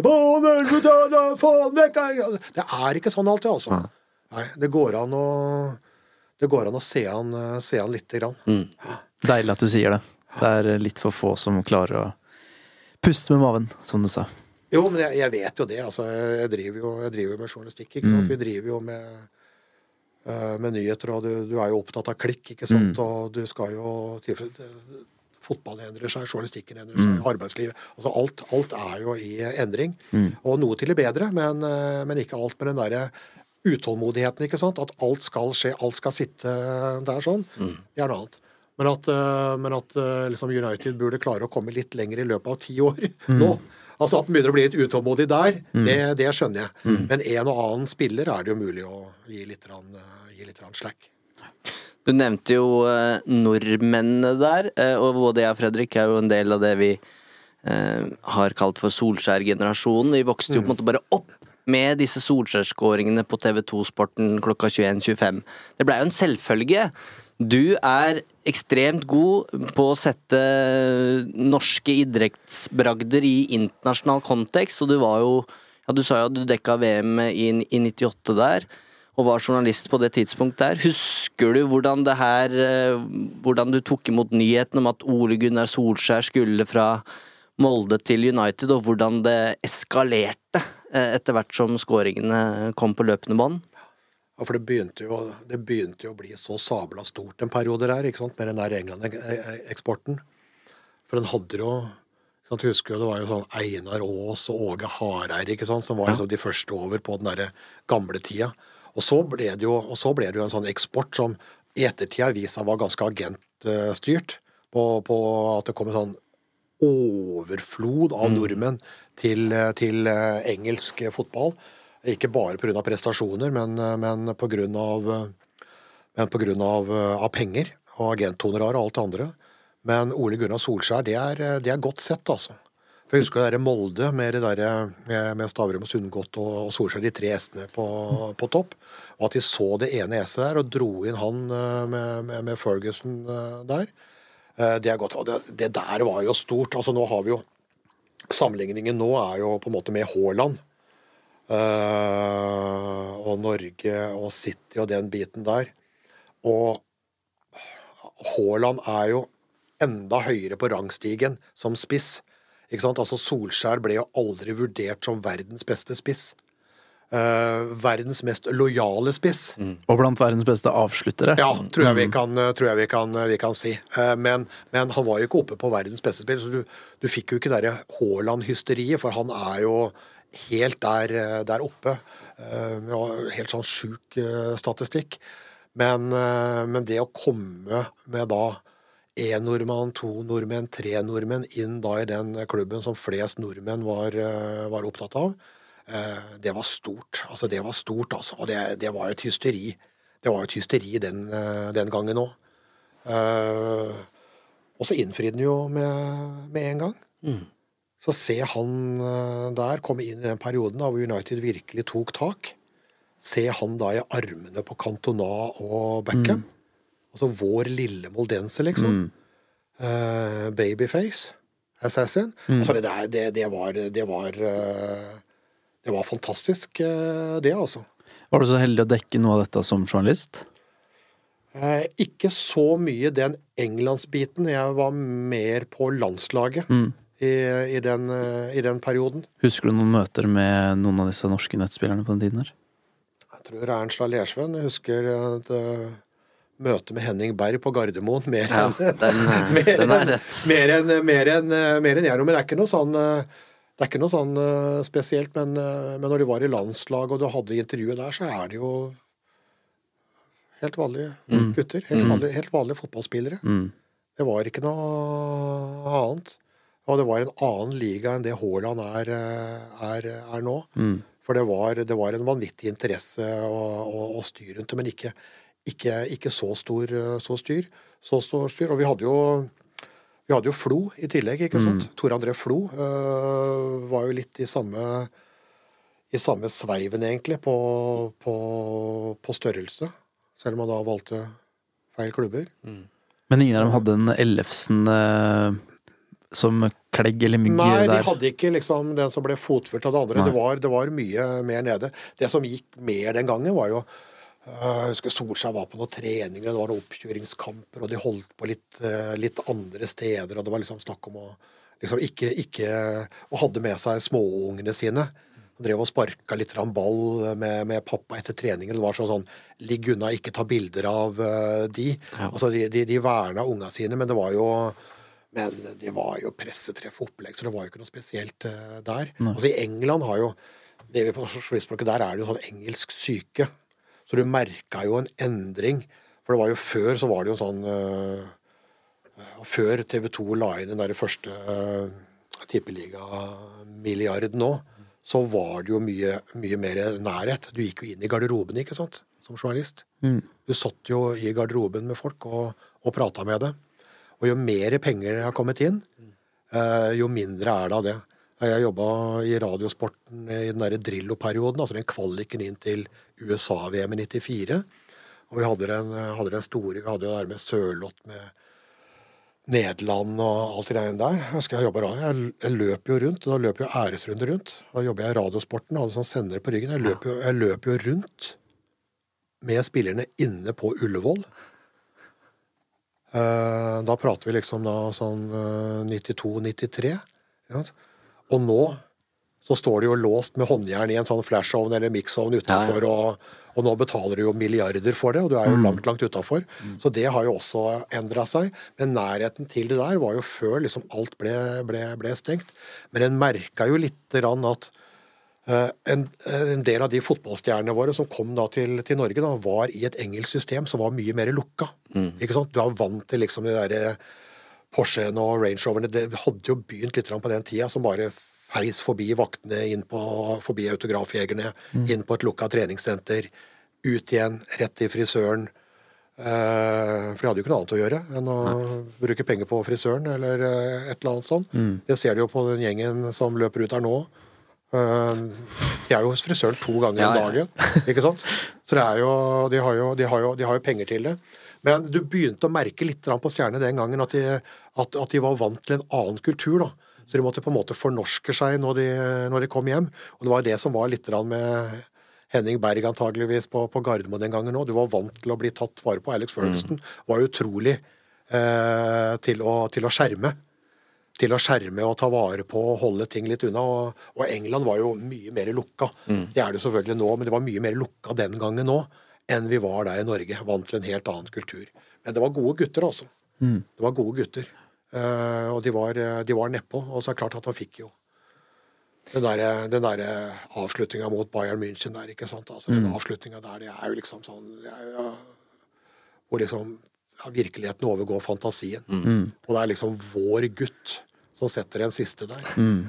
Så det er jo ikke så rart at det banneret henger på seg for, fortsatt litt. grann, Og, den, og så er det klart at den, den lojaliteten som han viste, Mm. klubben Altså, er det noen spillere nå som hadde takka nei til spilletid i Tottenham eller noen andre klubber, øh, kontra å sitte på benken og kanskje få da de den kampen hvor de andre har skade, eller få de 10-20 minuttene og, og ta til takke med den, Mm. og bare bli i klubben Mm. og si det der, finnes de fortsatt? Nei, det, det tror jeg ikke. Det, jeg var jo på et sånn arrangement ja, de, jo altså de som stikker til Saudi-Arabia, det er jo er én Mm, ting. mm. Og når du stikker dit når du er eh, 37-38 og henter ut det siste altså Selv om du har 14 milliarder eh, på bok, så stikker du dit for å hente det siste. Ronaldo. Men, men, eh, men, men, men, eh, men, men nok om det. Men du stikker dit midt i 20-åra, ikke sant? Mm. Noen henter eh, penger. Uh, ser jo på en, en fra Liverpool, for eksempel som har holdt faen høyt på absolutt alt av Ja. menneskerettigheter og de homofiles rettigheter og skeive og alt mulig, og så plutselig så er du i Saudi-Arabia! Av alle ting! Mm. Ikke sant? Det der, det. og, og den lojaliteten der, altså nå er det slik at eh, liksom, hvis du er benka i en kamp, så begynner du å prate, og så stikker du. Altså Den der klubblojaliteten det er vel også en ting som har endra seg. da. Men Solskjær var jo Der var han best i verden, altså. Mm. Du nevnte, du nevnte 99 selv, eh, men gjennom et langt liv som United-supporter, eh, hva vil du si er den største oppturen eller opplevelsen sånn som, som supporter?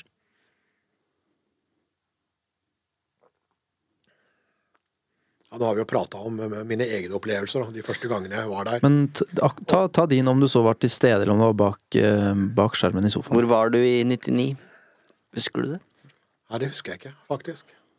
Jeg husker at jeg så kampen. Det kan ha vært mm. bare hjemme aleine. Men, men, Men det- men, 99 er jo 99 er jo er jo ek eksepsjonelt. Men det er nesten Jeg vet ikke. Det er, nesten, det er nesten lettere Det er nesten lettere å huske skuffelsene. Mm.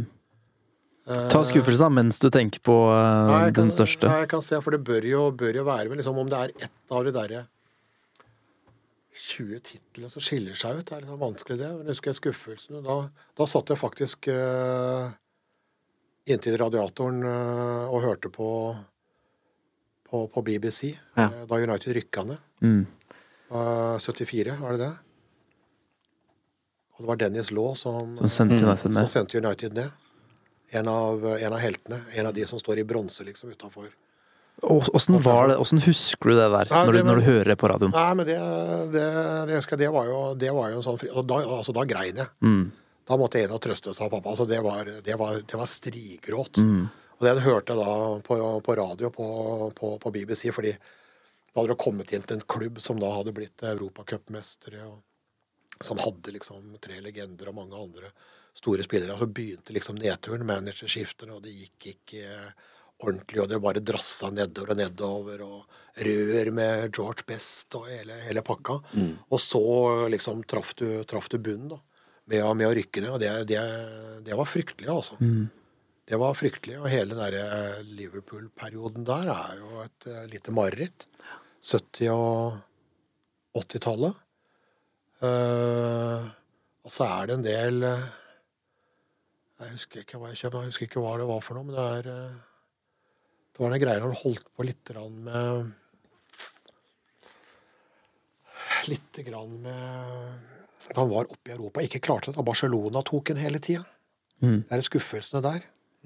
Det er liksom Jeg kom opp i finaler med Barcelona. jeg syns jeg er var, lenge nok i mørket i dag. Jeg, ja, var, var, var, var sterk der. Også den, også den da husker jeg, det husker jeg og den der eh, Aguero-skåringa.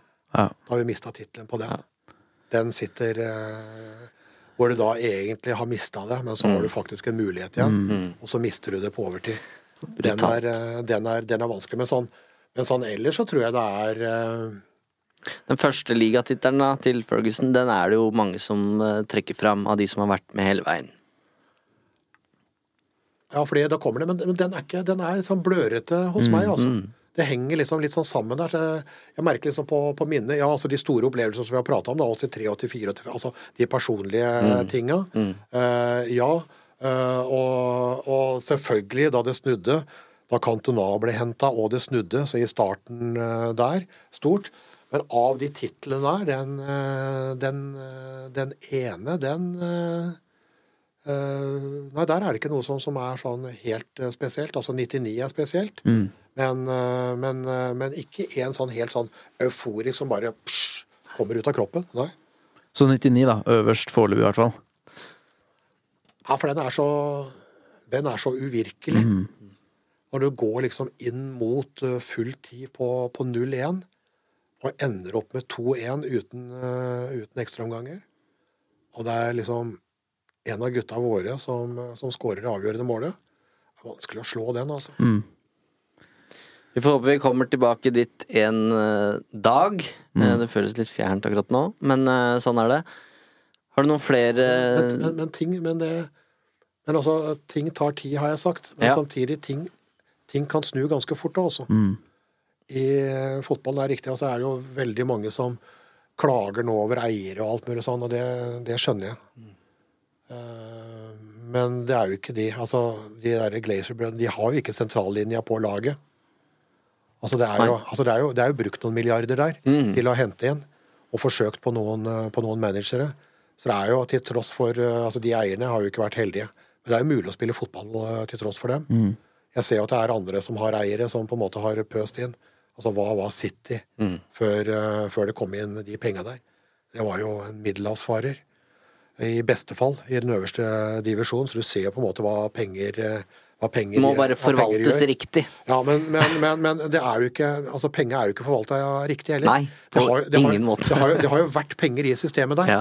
Så alt eh, skyldes jo ikke på, på eierne. Det handler liksom om å velge, velge riktige manager. Og, og, og jeg, jeg, jeg, jeg vet da fader hva det er for noe, fordi en har hatt gode navn der òg, ikke sant, managere.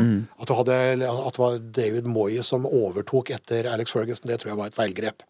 Det er greit å drive. Det er greit å drive Everton. Det er som å drive liksom eh, en, en bitte liten skobutikk på hjørnet. Men når du skal drive da et kjøpesenter eh, som er verdenskjent, så må det være litt mer format. Men det har jo vært folk med format der òg. Mulig at eh, van Gallo Mourinho og sånn har kommet inn på litt feil tidspunkt i karrieren.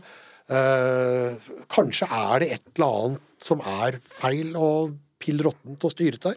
Jeg klarer ikke å sette fingeren på hva, for så godt kjenner ikke, kjenner ikke jeg til det. Men noe er det der, for det er, jo, det er jo gode folk som har prøvd. Og det er gode spillere som har vært inne. Og vi har jo henta inn spillere som har vært store suksesser i klubbene sine, som bare har falma og forsvunnet på, på Old Trafford. Så det er, jo, det er jo forunderlig. Så får vi se da hva som skjer nå. Men, men, men, men, men ting snur, altså. Ting er ikke for evig. Ting kan ta litt tid. Av og til så sier jeg du skal ha litt tålmodighet. Om det er den derre jævla grønne drakta der, eller om det er en ny målvakt som ikke innfrir med en gang. Du skal gi folk litt tid, tid. Men samtidig ha i hodet det at ting snur, altså. Ting snur. Altså, suksess varer ikke evig, og drit varer ikke evig. Tror vi. Det syns jeg er en god måte å avslutte på. Tusen takk. Er vi der allerede? Ja, allerede, ja. Tida har flytt. Vi har vært inne på flere vidder her, så tida går. Eh, Vi er jo alltid på jakt etter neste gjest i eh, Neste hedersgjest, eh, og jeg kjenner ingen som eh, kjenner flere håndballfolk enn deg, Harald. Er det noen landslagsspillere som er ekstremt United-fans der ute? Ja, det vet, det vet jeg faktisk. Sagosen, Nora Mørk Ja, det vet jeg. Det vet jeg. Nei, Snakker du aldri fotball med noen av disse, altså? Nei, altfor lite. Det må jeg begynne med, antageligvis. Nei, der traff dere et uh, litt uh, svakt punkt, ja. Da får du love at du tipser oss da, hvis du Ja, kommer. Ja, Men er det noen andre, hvis du hopper ut av håndballmiljøet, da, er det noen andre United-supportere du vet om som det er mulig for oss å få tak i, som du skulle ønske at vi klarte å få inn i studio her? Eller traff jeg et svakt punkt nå? Jeg stilles du til veggs. Men uh, Ja, men det er jo, det er jo noen titusener uh, av Det oss, er er det det. ikke det? Så det må jo være mulig å finne noen.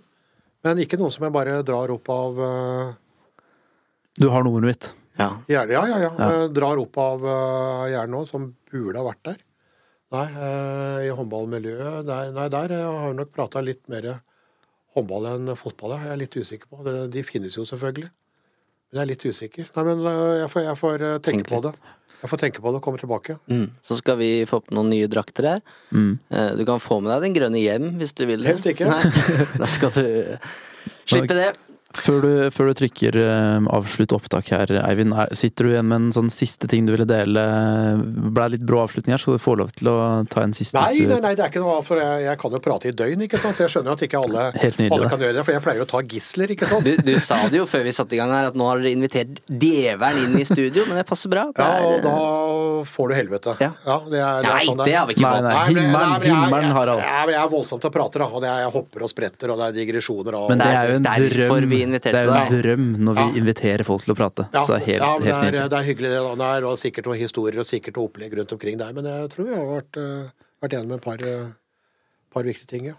Jeg, jeg kjenner på en sånn siste som jeg ikke føler jeg har fått spurt om. Og det, jeg, jeg veit ikke hvorfor jeg lurer på det, egentlig. Men sånn, du nevnte jo selv hvilke kamper du har vært på. Har du oversikt over hvor mange kamper du har vært på? og Når var du sist på kamp? Nei, uh, i England så har jeg vært, uh, vært veldig, veldig lite, faktisk. Mm. Jeg har vært eh, ekstremt lite, altså flaut lite, over England. Jeg har sett mye, eh, jeg følger med mye. eh, men jeg har vært lite i England, men det er jo fordi at Sånn som jeg tenkte liksom på 80-tallet der, og, og student, så er det alt. Og så har jeg da begynt å, å jobbe i turnusjobber hele tida. Jobba mye sport de siste åra. Jobber mye kveld, mye helg. eh, alt mulig. og setter eh, familien på en eh, prøve. Kone, tålmodig, tre unger. Og drive og stikke på guttetur til England hele tida, det har ikke jeg hatt muligheten til å, til å, til å gjøre. Så jeg har vært der, eh, vært der lite. Men jeg har vært der på, har vært der på, på jobb noen ganger. Og så det viktigste jeg har fått gjort, er å ta med Fordi jentene de ville ha bunad, så de fikk det til konfirmasjon. Uh, guttungen ville ikke ha bunad, så han fikk en dress, og tenkte det var litt sånn slapt. Så han tok jeg med uh, på Old Shafford, for det satte han pris på uh, noen år siden. Eh, da satt vi på sløtt for den. Fikk en eh, 2-0-seier over Everton. Eh, så Da det- hadde dere billetter. så da hadde ja, det var vel, ja, da hadde vi billetter. Det var ikke det samme som i 85, nei. Og da var det vel billetter, og jeg tror vi hadde ordna en tur via supporterklubbene på den biten der. Og det gjorde jeg også for å få med yngste, som er fotball. Da tror jeg, det- Men det siste med unga, det er vel Da var vi på, på Wolfsburg-kamp, ja. Ja. ja. Det er jo, noe, det er jo en liten stund siden. så- Fangal, ja, det var Ja. fangal, Fangal-tida. Da merka jeg at jeg merket at eh, fader, i svingen der, det er litt bedre. Altså, men da satt vi nede på langsida, helt nede ved spillertunnelen, ikke sant. Du får, ikke, du får ikke det gode overblikket over kampen, og du får ikke den beste stemninga der. Mm. Det du får der, er jo nærheten til spillerne inn og ut, og oppvarminga. Så, det var jo, så det var jo kult. Så da fikk vi på en måte tatt med både guttungen igjen og yngstedatter som er, som er interessert. Eh, Så jeg har vært der med dem, og, og litt sånn utenom. Men, men jeg er der altfor sjelden. Og nå er det lenge siden jeg har vært der, altså. Nå er det lenge siden jeg har vært der, og det er det kanskje en grunn til òg. Altså hvis du, hvis du liksom stikker over der og bruker tusenvis av kroner og får 0-2 på Shafford mot Burnley, Ja, ja. så jeg vet, jeg vet ikke. Jeg vet ikke. Du starta litt i feil òg, kan man jo si, Ja, med men- finaler og ja, men, ja, men er det ikke bedre da på en måte å kjøpe seg en kilo sjokolade og så sette seg, sette seg foran TV-en, og så kan du trøstespise? Ja, det, er et eller annet, eh, det er et eller annet eh, med det. Men jeg har eh, det er nok, det er nok tusenvis av folk som er der mye oftere, ja. Mm. Så de siste åra har jeg fulgt dem fulgt dem mer. Sølvsuperen er ute av kontakt, men, mm. men, jeg, er, men jeg følger med. Jeg følger med og ser, og ser det meste. Og jeg har jo Og så er det en god del ganger hvor, hvor kampene, kampene kolliderer. Uh, men jeg har jo enten telefonen oppe eller, eller Mac-en oppe. Så jeg har en ekstra monitor som jeg gløtter, gløtter litt på. Ja. Tobleronebollen den er fortsatt full, eh, men vi får trøstespise hver for oss med vår favorittsjokolade når vi kommer hjem. Eh, tusen hjertelig takk for eh, besøk, Harald. Bare hyggelig. Jo hei.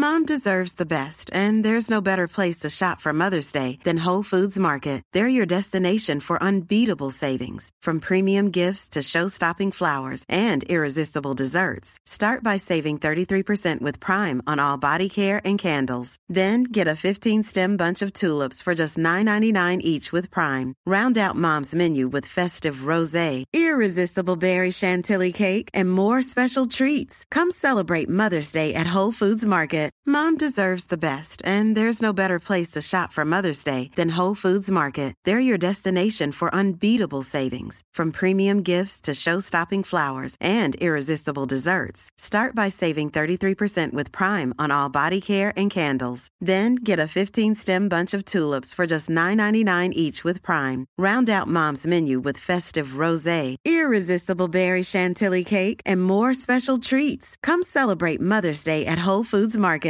When you make decisions for your company, you look for the no-brainers. And if you have a lot of mailing to do, stamps.com is the ultimate no-brainer. It streamlines your processes to make your business more efficient, which makes you less busy. Mail checks, invoices, legal documents, and everything you need to keep your business running with stamps.com.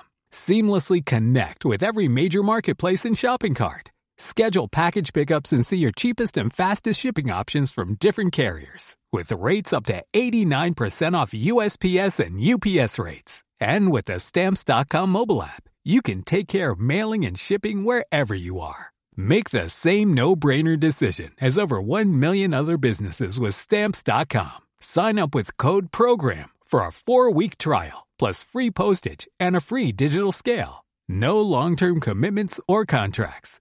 That's Stamps.com. Code PROGRAM.